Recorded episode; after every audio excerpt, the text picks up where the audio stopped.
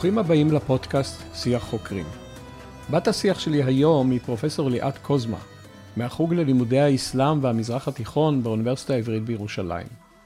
ליאת היא מדענית מקורית ומובילה וחברת האקדמיה הצעירה הישראלית. ליאת חוקרת בין השאר פמיניזם, סקסולוגיה, נשים בשולי החברה וסחר בסמים ובבני אדם במזרח התיכון המודרני. חלק נכבד ממחקריה עוסק גם בתולדות הרפואה במזרח התיכון במאות ה-19 וה-20, והיא מכהנת גם בראש הקתדרה על שם הארי פרידוולד לחקר ההיסטוריה של הרפואה באוניברסיטה העברית. אנחנו נשמע מליאת לא רק על נשים, גברים, רופאים ואחיות במזרח התיכון ב-200 השנה האחרונות, אלא גם איך היא בעצם לומדת להכיר אותם מקרוב, למרות שאינם כבר עמנו. נשמע גם איך התגברו המצרים על מגפת החולרה של שנת 1947, שבה מתו כ-20 אלף איש ואישה, ילד וילדה, ומפתיע כמה שיטות ההתגברות על המגפה היו דומות בעיקרן למה שנעשה בפנדמיה הנוכחית. ליאת, אגב, נותנת לשלטונות המצריים דאז ציון גבוה, לא פחות משמונה, על מה שעשו. ועוד נשמע מליאת כיצד הפכה לחוקרת של פנים מרתקות בהיסטוריה של המזרח התיכון, מה מרגש אותה מאוד עד היום בעבודתה, ומה היא מייעצת לסטודנטיות וסטודנטים שרוצים לעסוק במדעי הרוח. שלום ליאת, תודה, שלום. ש... תודה רבה שאת מקדישה מזמנך לפגישה הזו. את uh, uh, בחוג ללימודי האסלאם והמזרח התיכון באוניברסיטה העברית בירושלים. קראתי בהנאה מאמרים שלך uh, בימים האחרונים. Uh, אחד הפתיע אותי מאוד בנושא, אנחנו נדבר עליו אחר כך, כי הוא קרוב לליבי. אמ, וכשאנחנו קוראים מאמרים, אנחנו בדרך כלל קוראים דברים שהם אה, כבר או בשלב הבשלה, או שהפרויקט מאוד מתקדם, כי אנחנו בדרך כלל לא נוטים לפרסם, אה, חוץ מבגרנטים, בקשות גרנטים, את מה אנחנו אה, רוצים לעשות, אלא במה שעשינו. ולכן הייתי שמח אם היית מתחילה בלתאר את הפרויקטים העכשוויים שלך, בעיקר אלה שאני לא יכול, או אנחנו לא יכולים עדיין לקרוא במאמרים. בקיצור, מה את עושה? אה, טוב, אז קודם כל אני שמחה ומתרגשת אה, מהפגישה הזאת. אה, אז אני אומר שיש לי הרבה סירים על הקיריים כרגע. אני בשנה חמישית של פרויקט גדול שנקרא היסטוריה אזורית של רפואה במזרח התיכון, כך שזה מפגיש אותי, עם, אני, לראשונה אני עובדת עם סטודנטים ועם פוסט-דוקטורנטים, ואנחנו כותבים דברים יחד, ו...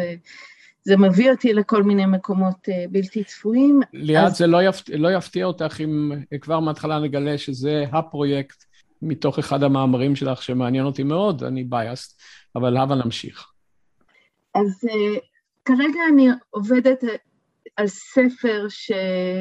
על ההיסטוריה של הרופאים הפלסטינים במנדט, יצא כבר מאמר בנושא הזה, אבל אנחנו עובדים על ספר שמספר בעצם על קהילה שכמעט לא נחקרה, משהו כמו 400 איש ערבים וארמנים שעבדו כאן בארץ אה, במקצועות הרפואה. קודם כל, מאיפה הם הגיעו, מה ההכשרה שלהם, ואז איפה הם עבדו בארץ, מה היו היחסים שלהם עם הבריטים, מה הייתה האינטראקציה שלהם עם היהודים, ומה קורה להם ב-48', אז זה פרויקט אחד. אגב, אני אכנס פה ואומר שיש לי ידידה שהיא רופאה לבנונית, אה, וזאת תהיה גם הזדמנות אה, להפגיש אותך לאחר, לאחר השיחה שלנו, אה, והיא כתבה ספר עכשיו, הוציאה ספר לאור על תולדות בית חולים מרכזי בביירות, אבל בואי נמשיך הלאה. אז זה מעניין אותי, מה שסיפרת מעניין אותי מכל מיני סיבות, בין השאר כי אחד הדברים שאני עובדת עליהם, זה ההיסטוריה של מקצוע הרפואה במזרח התיכון בכלל, זה יהיה הספר שיחתום את הפרויקט, ואני מתעניינת בעיקר ב... במסלולים שאנשים עוברים, זאת אומרת, ההיסטוריה של רפואה במזרח תיכון נכתבה מאוד מקומית, או היסטוריה מצרית דווקא, או מה שאני כותבת עכשיו, היסטוריה של הרופאים הפלסטינים דווקא, או היסטוריה של הרופאים עיראקים דווקא, אבל האופן שבו הם היו מאוד מאוד מוביליים, הוא, הוא מה שמעניין אותי, אז, אז ביירות באופן ספציפי, מקום מאוד מרכזי ללימודי רפואה, בערך מ-1867 עד אמצע המאה ה-20, שאז קמים לו הרבה מתחרים, אה, אבל הצומת הזאת שמפגישה אנשים, שממשיכים אחר כך למקומות אחרים, מאוד מסקרנת, וכמובן מה שהזכרת עכשיו, המוסדות הרפואיים, שבהתחלה מוסדות מיסיונריים, ואז מוסדות מדינתיים וכולי, אז זה הסיפור שאני רוצה לספר בספר שאני אמורה להתחיל לכתוב השנה. כאילו כבר יש לו outline, אבל, אבל עוד זה, לא התחלתי. זה מחקר אה, היסטורי, אני מבין. מה, מה הם הכלים? הכלים הם אה, חומר ארכיוני, או גם ראיונות עם אנשים? אז המחקרים שאמרתי עכשיו לא עשיתי בשבילם ראיונות, אני יכולה לספר על מחקר שכן עשיתי בו ראיונות, אבל, אבל החומרים הם, אני עובדת הרבה עם רשימות, בניתי, עם הצוות שלי בנינו database של, שמכיל כרגע עשרת אלפים איש, שמונה כרגע עשרת אלפים איש שעבדו במקצועות הרפואה, ואז המקורות... וואו, ממתי זה? ממתי? מאמצע המאה ה-19 עד אמצע המאה ה-20 בערך,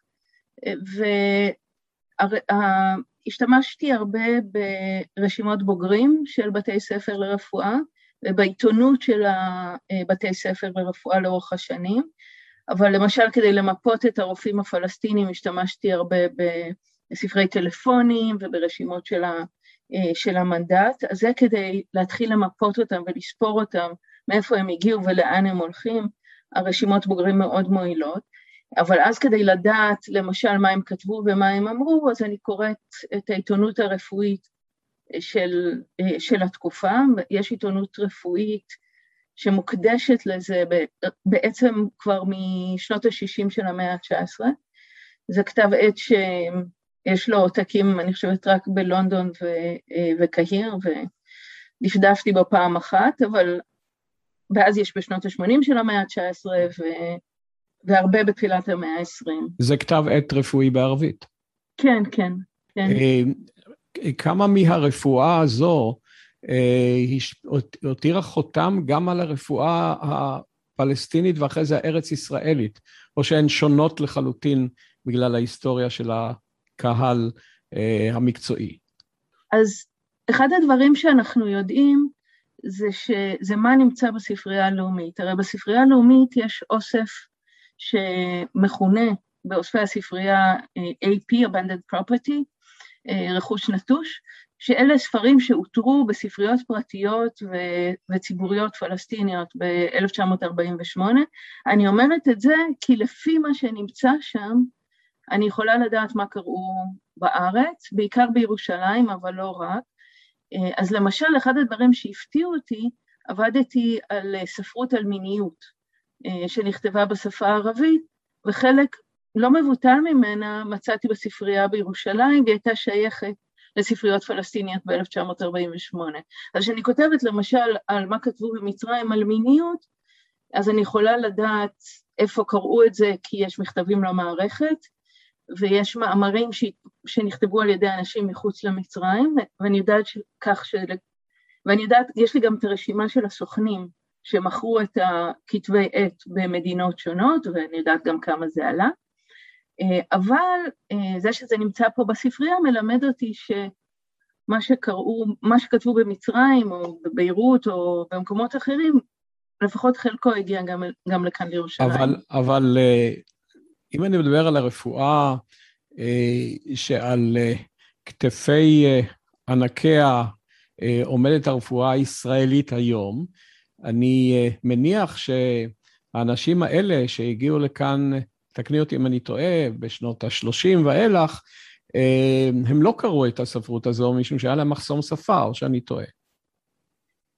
אז כך, מי שלומד רפואה בארץ, זאת אומרת, אין בית ספר לרפואה בישראל לפני 1949, אבל אז מי שלומד, מי שרופא ועובד כאן למד בחו"ל, הרופאים הערבים והארמנים למדו גם הם בחו"ל, לדעת, להערכתי 70 אחוז מהם בביירות. בביירות יש שתי אוניברסיטאות, אחת מהן האוניברסיטה האמריקאית בביירות והשנייה האוניברסיטה הצרפתית, סן ז'וזף, ומי שמגיע לשם כבר יודע צרפתית או אנגלית.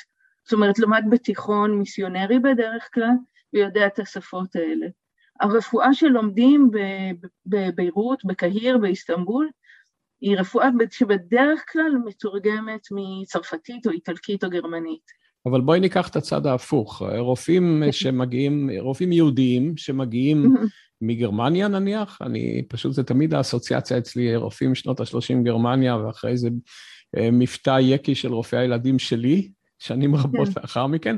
הרופאים האלה, אה, אני מניח, לא, לא היו, תקני אותי שוב אם אני טועה, לא היו מיודעים לספרות הזו שנכתבה בשפה אחרת. מה זה אומר לגבי ההיכרות עם ה... אה, עם המקום, עם, ה, עם הרפואה הנדרשת לצורכי המקום. אז יש לי הרבה מה לומר על זה. אני אתחיל ואומר שרופאים גרמנים לא במקרה. אה, כשהנאצים עולים לשלטון במרץ, אם אני לא טועה, מרץ 33, אחד הדברים הראשונים שהם עושים זה לפטר את הרופאים היהודים מהשירות הציבורי. ואז בין 33 ל-35 מגיעים לארץ בבת אחת מאות אה, רופאים, אה, רופאים גרמנים, מה שאומר שבסביבות 1930 יש 600 רופאים בארץ, מתוכם 150 ערבים, ב-1935 כבר יש בארץ למעלה מ-2,000 רופאים, 150 מתוכם ערבים. אז הדימוי הזה של רופאים גרמנים הוא, הוא לא במקרה, הם ממש מציפים את השוק. גרמנים, מש... אני מתכוון כמובן מה שאנחנו קראנו בילדותנו, אה, יקים, זאת אומרת, יהודים אה, גרמנים. יהודים גרמנים, כן. יהודים גרמנים, בוודאי. אז זו הערה אחת. עכשיו, לגבי איזו אינטראקציה יש לרופאים היהודים עם רופאים ערבים, אה, אז התשובה הקצרה היא בשוליים. ממש מעט מהרופאים היהודים, בוודאי אלה שמגיעים בעלייה החמישית, מעט מעט מהם יודעים ערבית או הם בני שיח, אחד הרופאים הפלסטינים המפורסמים של תקופת המנדט, אה, דוקטור תאופיק כנען, אה, למד בבית, בבית ספר שנלר ב, אה, בירושלים ולכן דיבר גרמנית שוטפת וגם היה נשוי לאישה גרמניה. אז הוא, הוא עובד בשלהי התקופה העות'מאנית, תחילת ה, תקופת המנדט, עם, עם דוקטור ולך, שהיה מנהל של בית חולים שערי צדק. אז יש מגעים כאלה ממש ממש בשוליים, אבל אחד הדברים אה, שמצאתי והפתיעו אותי, זה ש, שיש רופאים יהודים, יש הרבה יותר אחיות, אבל יש רופאים יהודים שלומדים בביירות. אה, אז חלקם בני היישוב, שזה פשוט זול יותר ופשוט יותר לנסוע לביירות מאשר לנסוע לאירופה, ובשנות ה-40 יש כמה סטודנט, סטודנטים יהודים שהעיפו אותם מה, מהאוניברסיטאות באירופה, למשל בצ'כוסלובקיה, מגיעים לארץ ב-38 עם, עם הסיפוח של חבל, חבל הסודטים, מתיישבים בארץ ובתחילת שנות ה-40 תראה אותם מסיימים את הלימודים בביירות. אז יש גם מגעים מהסוג הזה. מהו הפן אה, של ההיסטוריה הרפואית שמשך אותך לעסוק בזה. זאת אומרת, אה, את עוסקת בהיסטוריה של אה, המזרח התיכון ובנושאים חברתיים מאוד מרתקים של המזרח התיכון, והשיחה שלנו, אולי בגללי, אני לא יודע, אבל אני חושב שגם בגלל העובדה שזה היום הפרויקט האקוטי הגדול שלך, לפי דברייך, מה משך אותך לעסוק בהיסטוריה של רפואה?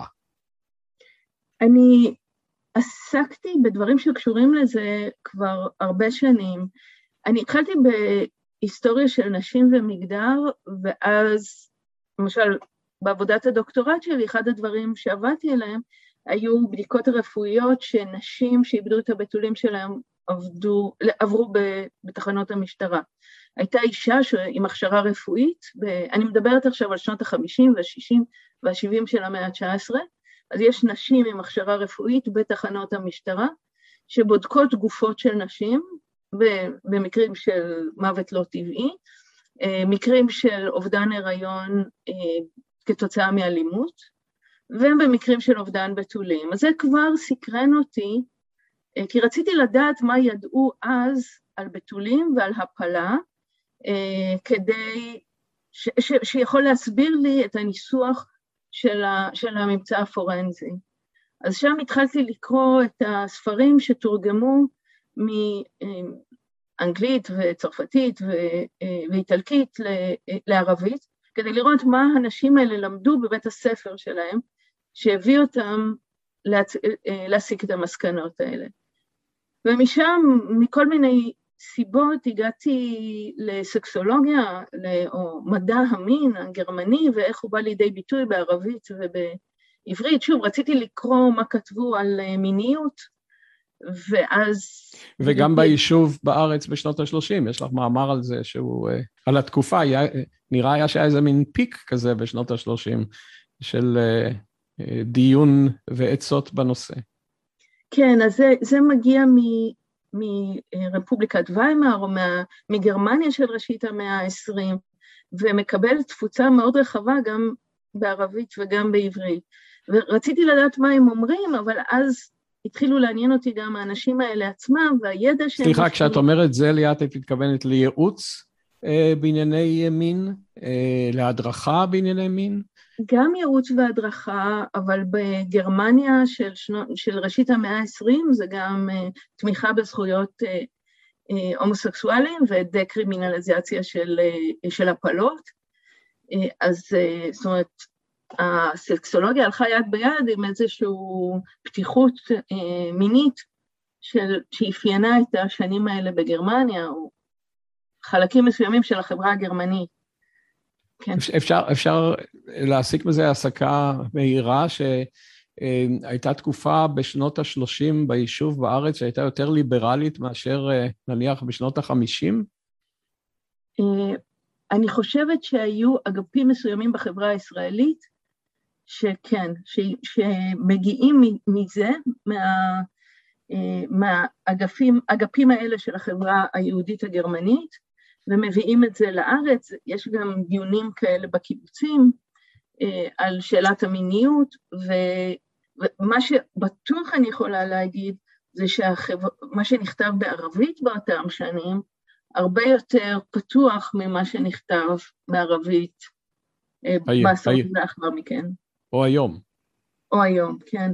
אני uh, מבקש uh, להפנות תשומת לב uh, לדקות אחדות לנושא שהוא חלק, אני מניח, מהפרויקט הזה, או לפחות uh, קדם לו, והוא מתייחס לדברים שקורים עכשיו באזור שלנו. אני uh, uh, רותקתי כאל יצירה בלשית למאמר שלך, שעוסק במגפת החולרה במצרים ב-1947. על מה שמדהים שם, אה, זה כמה דברים בעיקרם דומים למה שמתרחש פה עכשיו. אני רק אומר אה, מילים, אה, דוגמאות אחדות. חשש מחיסון. העובדה שאנשים שקיבלו חיסון מפחדים לקבל אותו פעם שנייה, שאולי הוא מזיק. גישה שלא צריך לגרום לבני אדם להתחסן, כי זה פוגע בחופש הפרט. והסגרים. עכשיו, אה, כל מה שאמרתי עכשיו זה רק דברים שלקוחים מהעבודות שלך, שמשליכות על היום, אבל אני חושב שעל המגפה של 47' את תדעי לספר הרבה יותר טוב ממני. רק אומר שלפי הנתונים, אה, אה, לא, לא מה בכך, 20 אלף מתים. אז אולי תוכלי לספר לנו קצת על מה קרה ממש לידינו ב-1947, והסתיים די, די מהר.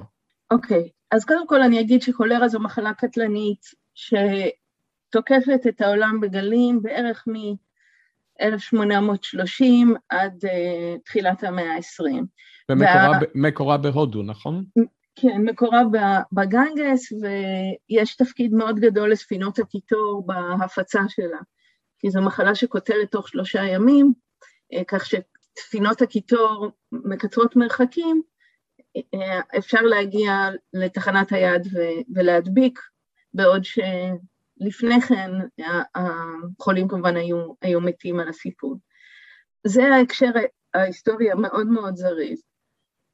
אגב, המחלה לא הייתה ידועה קודם? אז ככל הנראה היא הייתה מוגבלת לאזור מסוים של, אה, של הגנגס, אפילו לא לכל הודו.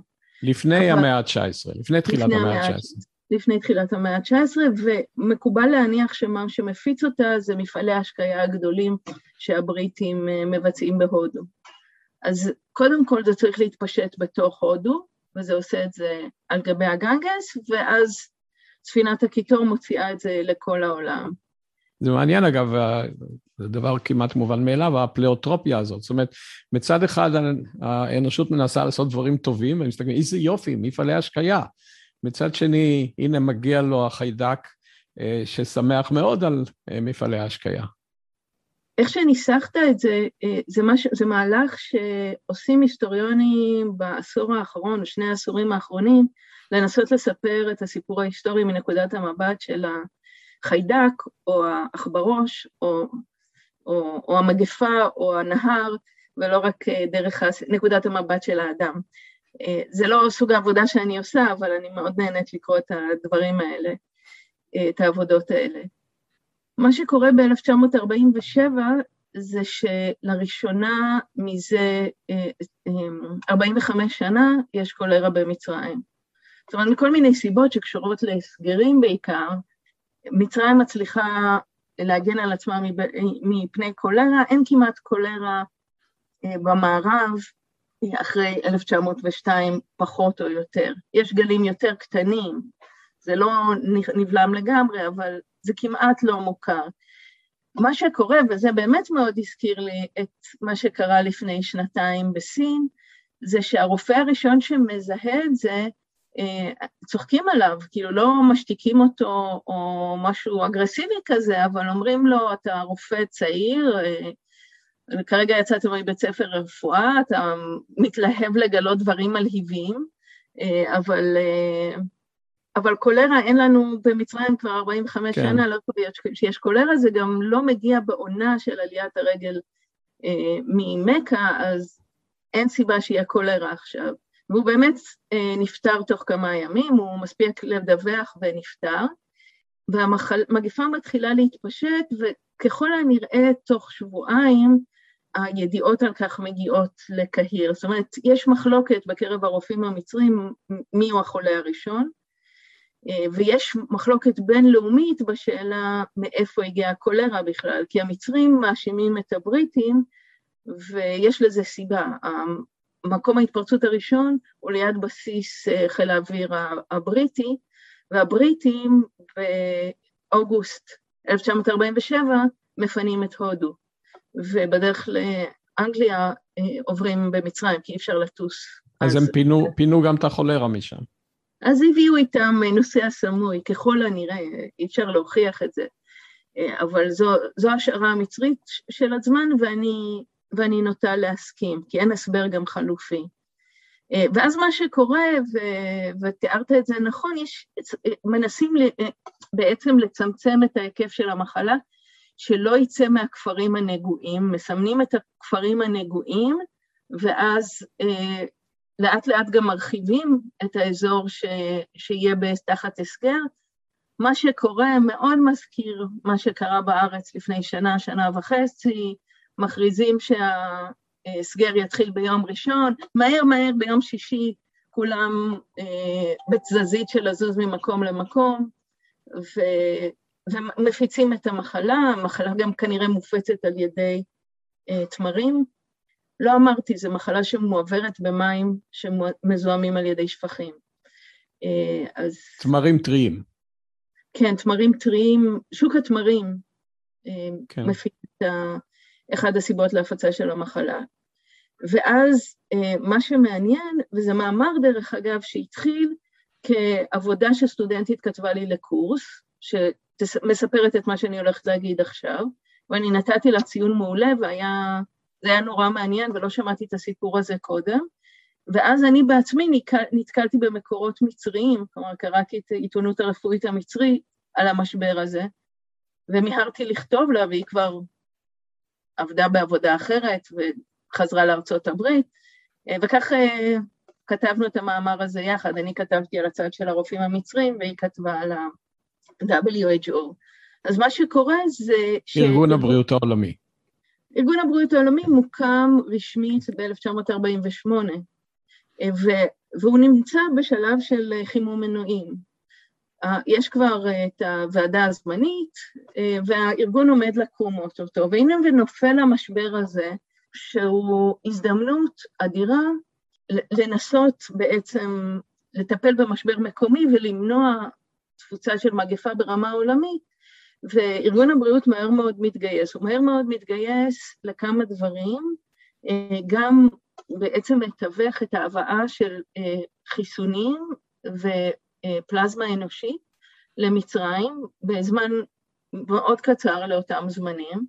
הוא גם מתווך אחר כך, כאשר המגפה תיגמר, מאפשר למצרים להתחיל, לחזור להיות בקשרים מסחריים ממקומות אחרים. המצרים ממש כותבים לארגון הבריאות העולמי ואומרים, האיטלקים מסרבים לקבל ספינות שלנו. וארגון הבריאות העולמי כותב לאיטלקים ואומר, הנה הנתונים, אין אצלם מגפה כבר מ-15 בדצמבר, ואנחנו בינואר ואתם עדיין בולמים אותה. אז התפקיד הזה של ארגון הבריאות העולמי, אני, בעיניי הוא רגע מאוד מעניין, כי הוא בעצם מאפשר לארגון העולמי, הבריאות העולמי, להגדיר מה הוא הולך לעשות, או מה התפקיד שלו, מה התפקיד העולמי שלו. ליאת, כאן יש לי שתי שאלות. אחת, אה, מה סיים את המגפה הזו? היא אה, לא ארכה זמן רב מדי, זאת אומרת, מה השילוב האלמנטים שהביא לסיומה? ושניים, מה היה, מה הייתה ההשפעה של המגפה על החיים בפלסטינה באותה עת? אז מה שמסיים אותה זה שילוב של, ה, אה, של החיסונים והסגרים. זאת אומרת, אחרי ש...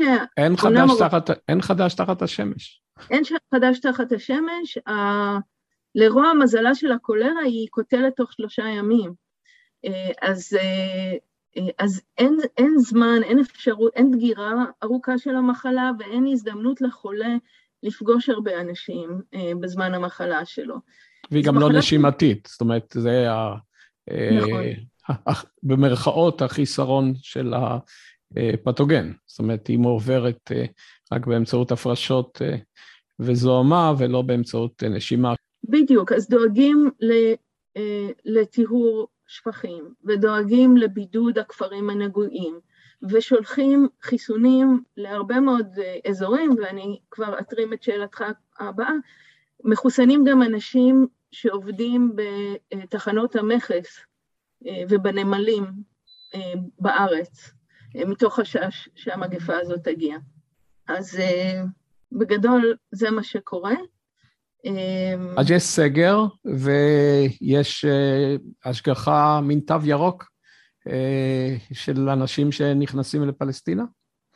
לא, ממש מדינות לא מקבלות נוסעים ממצרים. פשוט סגר, לא, לא מקבלים. כן, כן, אה, יש סגר על האזור, המגפה הייתה מוגבלת לאזור מסוים בדלתא של מצרים, זה לא מגיע לקהיר, זה לא מגיע לאלכסנדריה, זה לא מגיע לדרום מצרים, זה מוגבל לאזור מסוים, זאת אומרת, זה לא סגר, יש את הסגר הבינלאומי על מצרים, אין, אין יוצא ואין בא, אבל גם יש את, גם סחורות וגם אנשים, אבל גם יש סגר על הכפרים הספציפיים ועל האזור הספציפי. סגר הדוק על האזור שבו התחילה המחלה. אה, אליאת, איזה ציון היית נותנת למצרים על טיפול במגפה ב-1947? אה, לא רע, לא רע. זאת אומרת, אה, הם, יהיו בסדר. כמה? שמונה בערך. בסך הכל הם קולטים את זה מהר, הם נמצאים בקשר עם ארגונים בינלאומיים, הם מדווחים, הם נוהגים באחריות ומדווחים למדינות השכנות. זאת אומרת, יש פה, אה, יש פה עבודה נכונה. ראיתי שאת, ראיתי שכתבת, נדמה לי במאמר שדיברנו עליו, שהסיטואציה גם הדגישה את החשיבות של הקומוניקציה, של השידור, אה, של העברת אינפורמציה לא בצ'אנלים שהם צ'אנלים דיפלומטיים רגילים, אה, שנוסעים ומביאים מכתב, אלא בהפצה לציבור של אה, ידע, מה צריך לעשות, ואני מניח שזה עזר מאוד במחלה ששלושה ימים הוא משך הפעולה שלה. כן, לגמרי. עכשיו, אה, תרשי לי מהסיפור הזה שמקשר אותנו לימינו, לחזור אלייך ולתקופה שלפני שהפכת למומחית אה, למזרח התיכון ולחברה במזרח התיכון ולהיסטוריה. אולי נלך כמה שנים קודם, מה הביא אותך בילדותך לעיסוק שאת עוסקת בו עכשיו? אוקיי, okay, אה, אז אני אגיד כך, אה, שדיברנו מקודם שלמדתי תואר כפול, מזרח תיכון בפסיכולוגיה, דו-חוגי זה נקרא. איפה? אז באוניברסיטת תל אביב, תואר ראשון ושני בתל אביב. אה, אבל אה, כשהייתי בתיכון חשבתי שמה שאני רוצה לעשות זה מחקר בפסיכולוגיה. Mm. עשיתי על זה עבודה בתיכון וקראתי המון, כאילו גם פרויד וכזה וגם, וגם מחקר ממש, מחקר יותר במה שהיום אפשר לקרוא לו, כאילו מה שלא קראתי לו אז, אבל אחרי זה הבנתי שזה פסיכולוגיה חברתית או התנהגותית. אה, זאת אומרת, מה שעניין אותי לא היה, אה, לא, לא היה פסיכולוגיה טיפולית, אלא, אלא להבין איך אנשים פועלים ולמה הם פועלים. אה, ו... בחברה. כן, וגם דברים שקשורים למגדר והבדלים בין בנים לבנות, ולמה בנים ובנות מתנהלים אחרת. אז זה, זה מה שעניין אותי בתיכון. איפה למדת? בלאובק, בחיפה. אז חשבתי שזה מה שיעניין אותי ללמוד uh, באוניברסיטה, ונרשמתי לפסיכולוגיה, נרשמתי גם למזרח תיכון, uh, וחשבתי שזה... ש... זה, את יודעת שזה בין... מעניין, פתאום אני אכניס את הזווית האישית שלי, אני uh, שנה ראשונה באוניברסיטה, בחיים האקדמיים שלי, אני בכלל למדתי מזרח תיכון בפילוסופיה, באוניברסיטת תל אביב, אבל בתקופה שלי זה היה עוד באבו כביר, אבל בואי נעבור אלייך. מחקר גם עניין אותי, כתבתי בכיתה ח', אני חושבת, עבודה על, אה, על קסנר, היה אז הצגה של אה, מוטי לרנר. הלכתי להצגה והרשימה אותי באופן בלתי רגיל וכתבתי על זה עבודה ואפילו ראיינתי את השחקן ושאלתי אותו מה הוא חושב על זה. והוא אה, חייך בסבאות כזאת, ו... ואמר שכשאני אהיה גדולה אני אבין. אה, מה הוא חושב על העבודה, או מה הוא חושב על הפרשה? על קפנר. כן. אה, והאם הוא היה יכול לנהוג אחרת? לא זוכרת מה שאלתי. אבל, אבל לא ידעתי אז שזה מה שאני אעשה, שאני אעשה היסטוריה. היה ברור לי שהשאלות שמעניינות אותי על טבע האדם, או איך אנשים מתנהלים כמו שהם מתנהלים, אני אקבל בפסיכולוגיה. בשלב אה, די מוקדם, את אה, נטשת את הפסיכולוגיה, למה? אמ, אוקיי, למדתי בשני חוגים שהיו מאוד מאוד שונים באופי שלהם.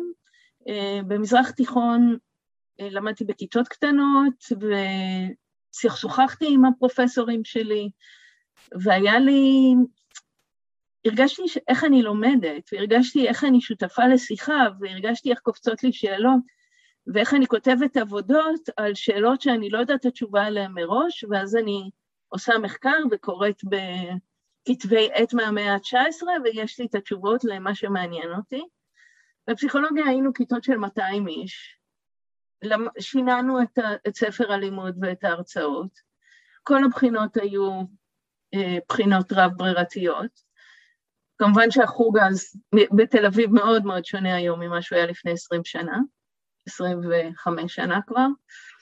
אז אה, זאת אומרת, היה לי ברור שאני אמשיך לעשות מה שכיף לי, ונשארתי בחוג למזרח תיכון. זה היה סיום תואר ראשון. עשיתי תואר שני בתל אביב, ואז את הדוקטורט עשיתי ב-NYU. אה, אנחנו חולקים מוסד, אני, אה, יש לי קתדרה שם. אה, כן, במזרח תיכון? ב-NYU? מסלול משולב מזרח תיכון והיסטוריה. מכיר את הסמטה. ומה היה נושא הדוקטורט שלך? נשים בשוליים במצרים במאה ה-19, הזכרתי מקודם את תחנות המשטרה, זה מה שעשיתי, קראתי את סיכומי חקירה של משטרת קהיר בעיקר, אבל גם מקומות אחרים, בעצם דוחות משטרתיים מהמאה ה-19, אה, וחיפשתי מקומות שנוגעים לנשים. אם נשים הגיעו למשטרה, זה בדרך כלל היו מה שאפשר לקרוא לזה, לא, נשים אה, מוחלשות או נשים בשוליים. אמ, אז בעצם הדוקטורט שלי עוסק באינטראקציה בינן לבין המדינה, ומה קורה לקהילות ומה קורה לנשים האלה כאשר נכנסת תחנת המשטרה אליהם. איך, איך נבחר נושא הדוקטורט? זה נושא שאת הבאת איתך, או שהוא נושא שהמדריך או המדריכה המליצו, או זה נושא שצמח תוך כדי חשיבה משותפת? זה, לקחתי קורס, לא זוכרת אם זה היה סמסטר ראשון או שני, והמנחה, מי שלימים היה המנחה שלי, אה, פרופסור חאלד פהמי, הביא חומרים מהארכיון המצרי. עכשיו, אה, זה היה כמו, כאילו, אני כותבת את זה בתודות של הדוקטורט, שזה היה כמו אבן מתיבת אוצר. לא ידעתי שזה לא תיבת אוצר, אלא מכרה, אבל, אבל זה היה אבן מתיבת אוצר. ואני רק רציתי לקרוא עוד. זאת אומרת, נקודת המוצא שלי הייתה שאנחנו לא יכולים לדעת שום דבר על חיים של אנשים פשוטים מהמאה ה-19, אה, והנה, כאילו כל מיני סכסוך על אה, קנייה של חמור, ותאונת בנייה שנופל קיר על מישהו, וכל מיני דברים כאלה טריוויאליים ויומיומיים, ו... אה, מין, ש... מין, מין גניזה מקומית כזאת, זאת אומרת, פתאום פתקים מחיי יום-יום חושפים עולם שלם. זה הארכיון המצרי, וזה ה... זה המחברות האלה, מחברות ענק, אה, בכתב צפוף, שמחזיקים עולם ומלואו, כאילו אני הייתי, כשעשיתי את המחקר, הייתי מגיעה לארכיון כל בוקר, הייתי עולה בריצה במדרגות, כי זה היה כן. כמו לפתוח, כאילו זה לפתוח תיבת מתנה, קופסת מתנה, ואתה לא יודע מה תמצא בפנים. אז אני, אה, המקרים מקוטלגים לפי, אה, לפי תאריך ולא לפי נושא. אז אני צריכה לעבור יום אחרי יום של עבודת המשטרה כדי לאתר את הנשים שמעניינות אותי. ובינתיים מישהו גנב למישהו ג'מוס, ומישהו גנב למישהו שעון זהב, ומישהו דקר מישהו באיזו סמטה, והם לא מעניינים אותי, אבל... אבל הם כן מעניינים אותך. חדוות החזרה אה, לזמן, תוך כדי הפרטים. לגמרי, לגמרי. זה... זו תחושה. שיש לך גם היום לפעמים, כשאת נכנסת לחומר? או שזו תחושת הרעננות של הדוקטורט, של uh, הגילוי? אה, זה, זה התחושה של מחקר חדש. גם היום? חדש. גם לגמרי, היום? לגמרי. אני... את יכולה לתת דוגמה של אה, ארכיון חדש שנכנסת אליו ופתאום, וואו, עולם שלם.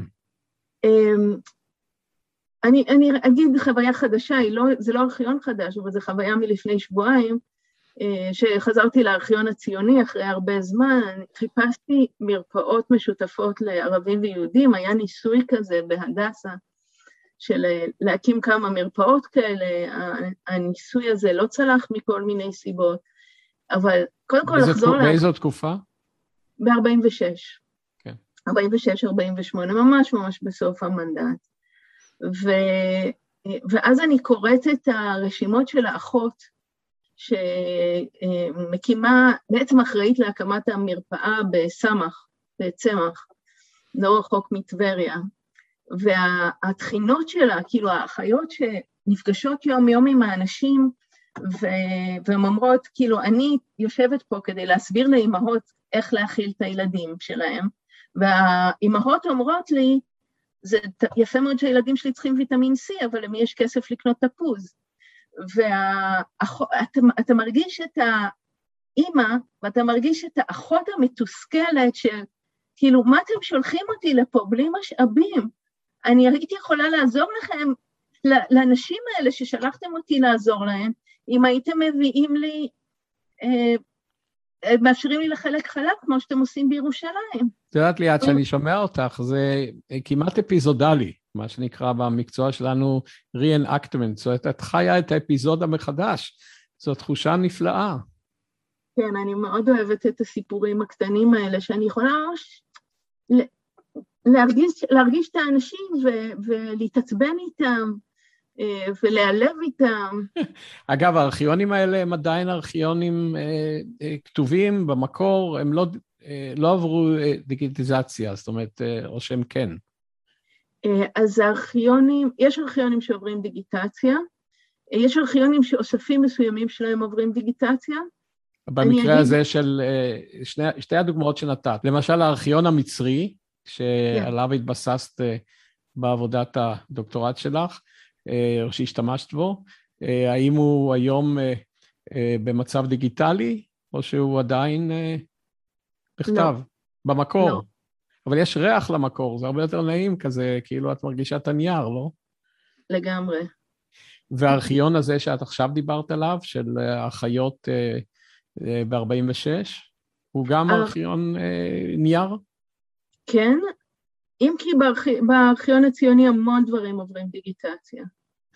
והנה את מסיימת את הדוקטורט, ואם אני לא טועה זה גם הביא לספר לאחר mm-hmm. מכן, ואת שבה לארץ לאוניברסיטת, לאוניברסיטה העברית? הייתה לי שנה של פוסט-דוק בעברית, אה, ואז... באותה מחלקה, שאת, באותה מחלקה שאת נמצאת עכשיו? כן. ואז, ואז uh, נשארת. אז uh, אנחנו הפסדנו uh, uh, חוקרת בפסיכולוגיה, בגלל uh, uh, שבאותה תקופה היה ביקוש המוני וכיתות פרונטליות ולא נתנו לחוש את החומר, ואת הרווחת uh, uh, התרגשות מחזרה לעבר. אמ, אגב, הערבית שלך היא מהאוניברסיטה, או שידעת קודם? אה, התחלתי בתיכון, יש לי חמש יחידות בערבית. אה, אני קוראת היטב, אמ, ואני גם, כן, אבל אני מדברת הרבה פחות טוב. האם יש, עיסוק, האם יש עיסוק אה, אקדמי במצרים נניח, ברפואה במזרח התיכון? ואם כן, האם הוא גם עוסק ברפואה בארץ ישראל? אני יודעת שבמצרים ספציפית חוקרים את ההיסטוריה שלהם, את ההיסטוריה אה, של הרפואה המצרית. יש גם עבודות על, אה, על ההיסטוריה של הגניזה, הזכרת את הגניזה הקהירית, שם יש יופי של מחקר על אה, היסטוריה של רפואה בימי הביניים, אבל היסטוריה של רפואה בארץ אני לא מכירה. מי העמיתים שלך אה, במקצוע? אה, איפה הם מצויים? ב... בארצות הברית, בצפון אמריקה, באירופה, במזרח התיכון? אה, גם וגם וגם. אה, יש לי פחות קשרים במזרח התיכון, קצת יש לי, אבל בעיקר בצרפת וב, ובארצות הברית, וקצת בבריטניה גם. בשלב הזה של העיסוק המרתק הזה, מה החלום המדעי שלך? לטווח רחוק, לא לעוד חודשיים, ולא זה שהרקטור יבוא ויאמר, אה, אה, יש לך מיליון דולר, אלא חלום מדעי לא מותנה במשאבים, במידה אה, סבירה, כן? תראה, מה שאני הייתי רוצה זה לקחת את ה database שבנינו, למצות את כל מה שאפשר לדעת על האנשים במקצועות הרפואה, ואז לשים את זה על מפה. במזרח התיכון. במזרח התיכון. והתקופה של אה, מתחילת המאה ה-19?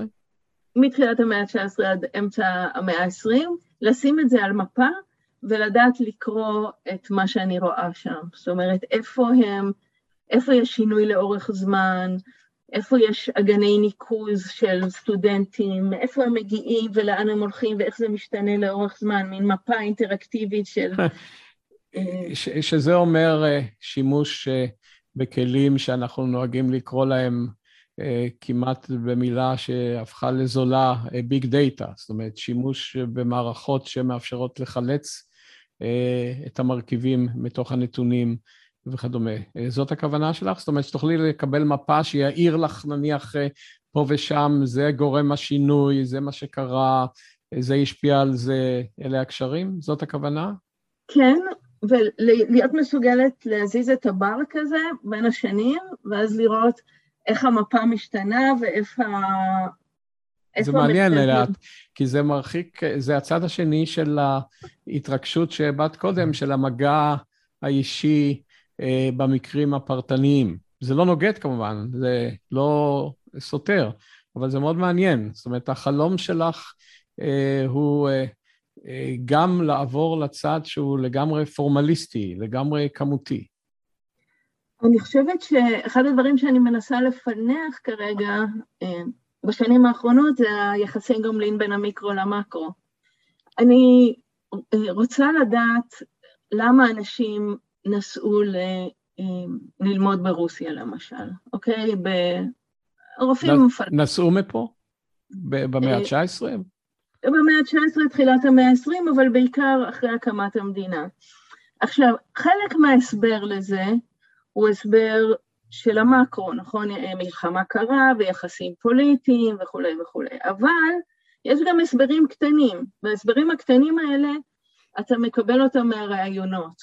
ולא לא דיברתי על זה, אני כותבת עכשיו גם סדרת מאמרים על ההיסטוריה של. של בית הספר לרפואה של האוניברסיטה העברית, ושם עבדתי עם ראיונות. ואז אני רואה הסברים שאנשים מביאים לי ללמה הם נסעו לחו"ל, או למה הם בחרו דווקא בלימודי רפואה, וההסבר הזה נותן לי משהו, והביג דאטה נותן לי משהו, והחיבור ביניהם, ההסבר לחיבור ביניהם הוא משהו שאני רוצה להבין. למשל, אני אתן דוגמה, אחד הדברים שמצאתי לגבי סוף המאה ה-19 זה שסטודנטים לרפואה, המקור שלהם הוא בעשרות כפרים ברחבי לבנון. עכשיו, אז יש פה הסבר ברמת המקרו, הכניסה של המיסיונרים והבנייה של בתי ספר, אבל למה דווקא מהכפר הזה ולא מהכפר הזה, ואיך זה משתנה לאורך זמן? את אומרת כפרים לב... בניגוד, בניגוד, אה, בהנגדה לערים, בניגוד כן. לביירות. כן, כן, כן, כן.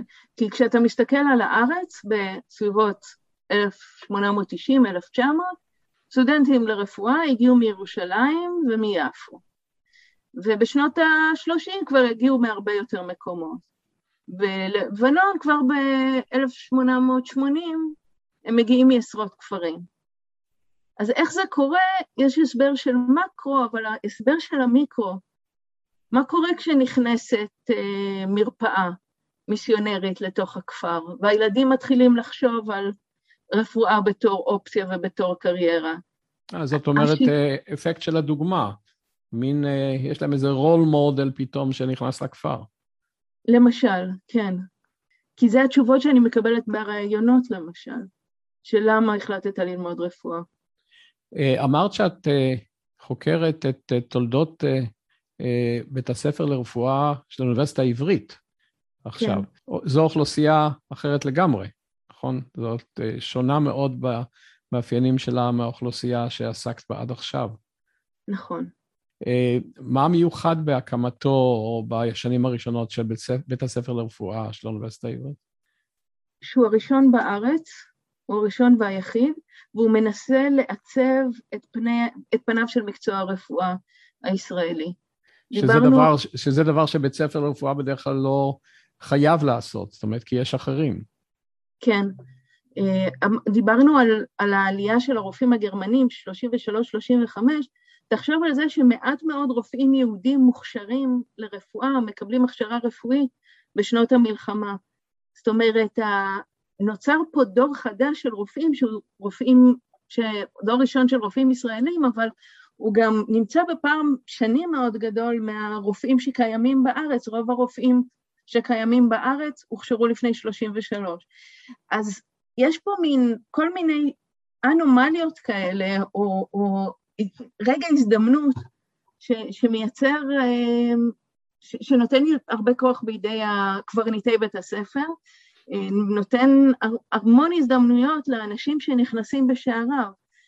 יש. לזה השפעה עד היום על הרפואה הישראלית? מה שקרה ב-47, אה, נניח עד 53, אה, בבית הספר לרפואה של... אה, זה הדסה באוניברסיטה העברית, נכון? זה, כן, הדסה באוניברסיטה העברית.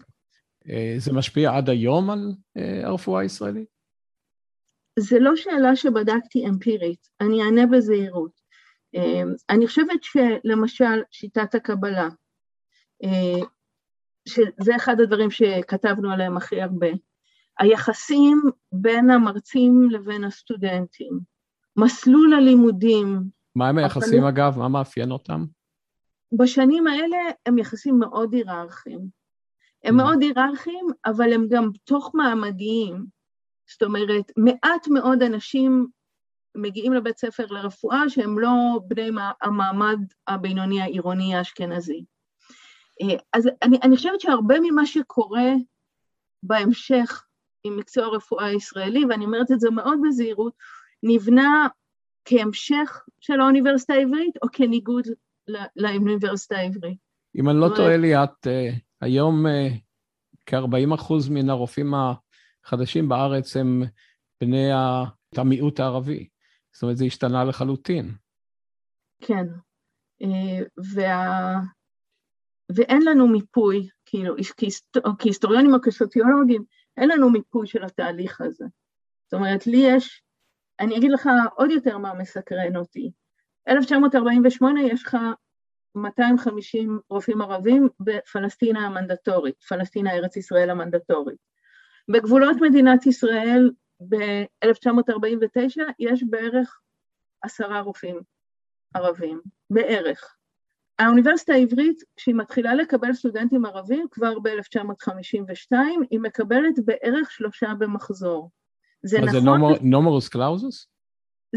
זו שאלה, אני, אני לא מצאתי עדויות לכך שזו המדיניות, אני בטוחה שזו מדיניות, דרך אגב, מדיניות מינימום, לא בהכרח מדיניות מקסימום.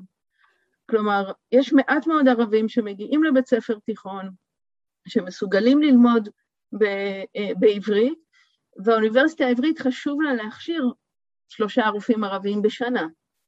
אה, אז אני, אני אומרת, אני נזהרת מ, מלדבר על אפליה למרות שאני מנחשת שהייתה, אבל אני אומרת, יש כל כך הרבה חסמים בדרך לאוניברסיטה העברית, אה, שזה לא צריכה להיות מדיניות רשמית כדי שיהיו כל כך מעט. אבל האם זה, אבל האם זה אפליה מתקנת? זאת אומרת, אה, אה, בלי לגעת באנשים עצמם, כי אני מניח שהם היו מצוינים, אבל האוניברסיטה לפי זה הייתה מקבלת את המספר המינימלי הזה גם אם היה צריך לוותר פה ושם, כי זה חיוני. זה הטענה של ה... זה הטענה בפרוטוקולים הפנימיים, כן.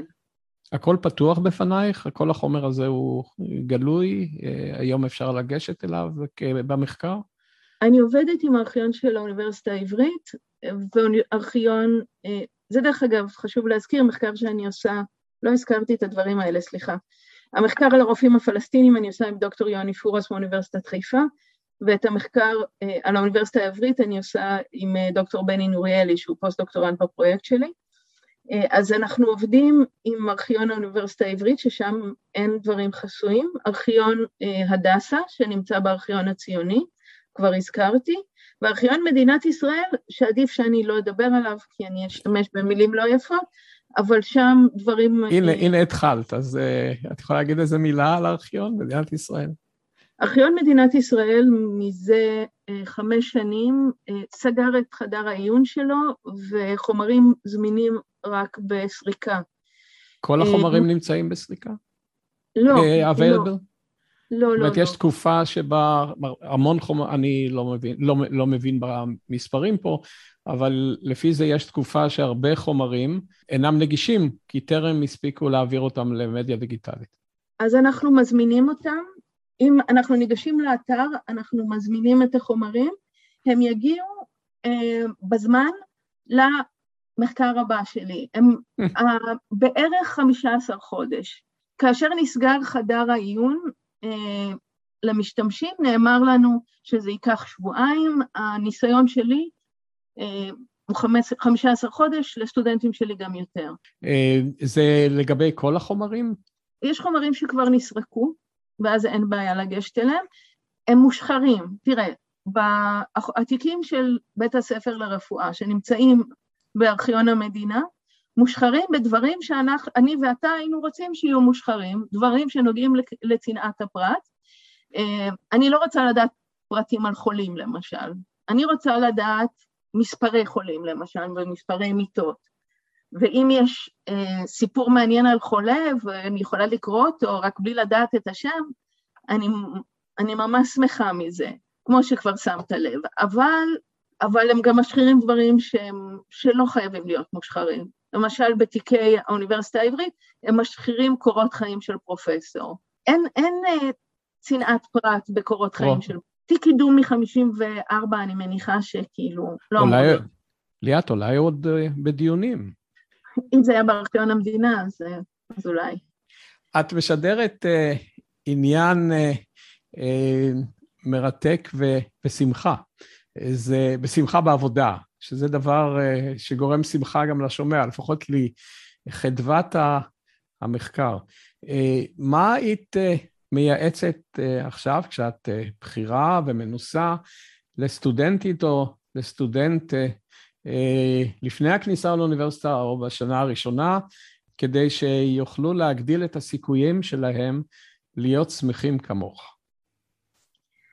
אמ, אוקיי, אז קודם כל, המספר, מספר המשרות שיש, מספר התקנים האוניברסיטאיים אה, שיש ב, אה, במדעי הרוח הוא מאוד מוגבל, אז דבר ראשון, להזהיר אותם ולומר להם שלא יבנו על זה. אבל זה לא יגרום להם שמחה אם תזהירי אותם.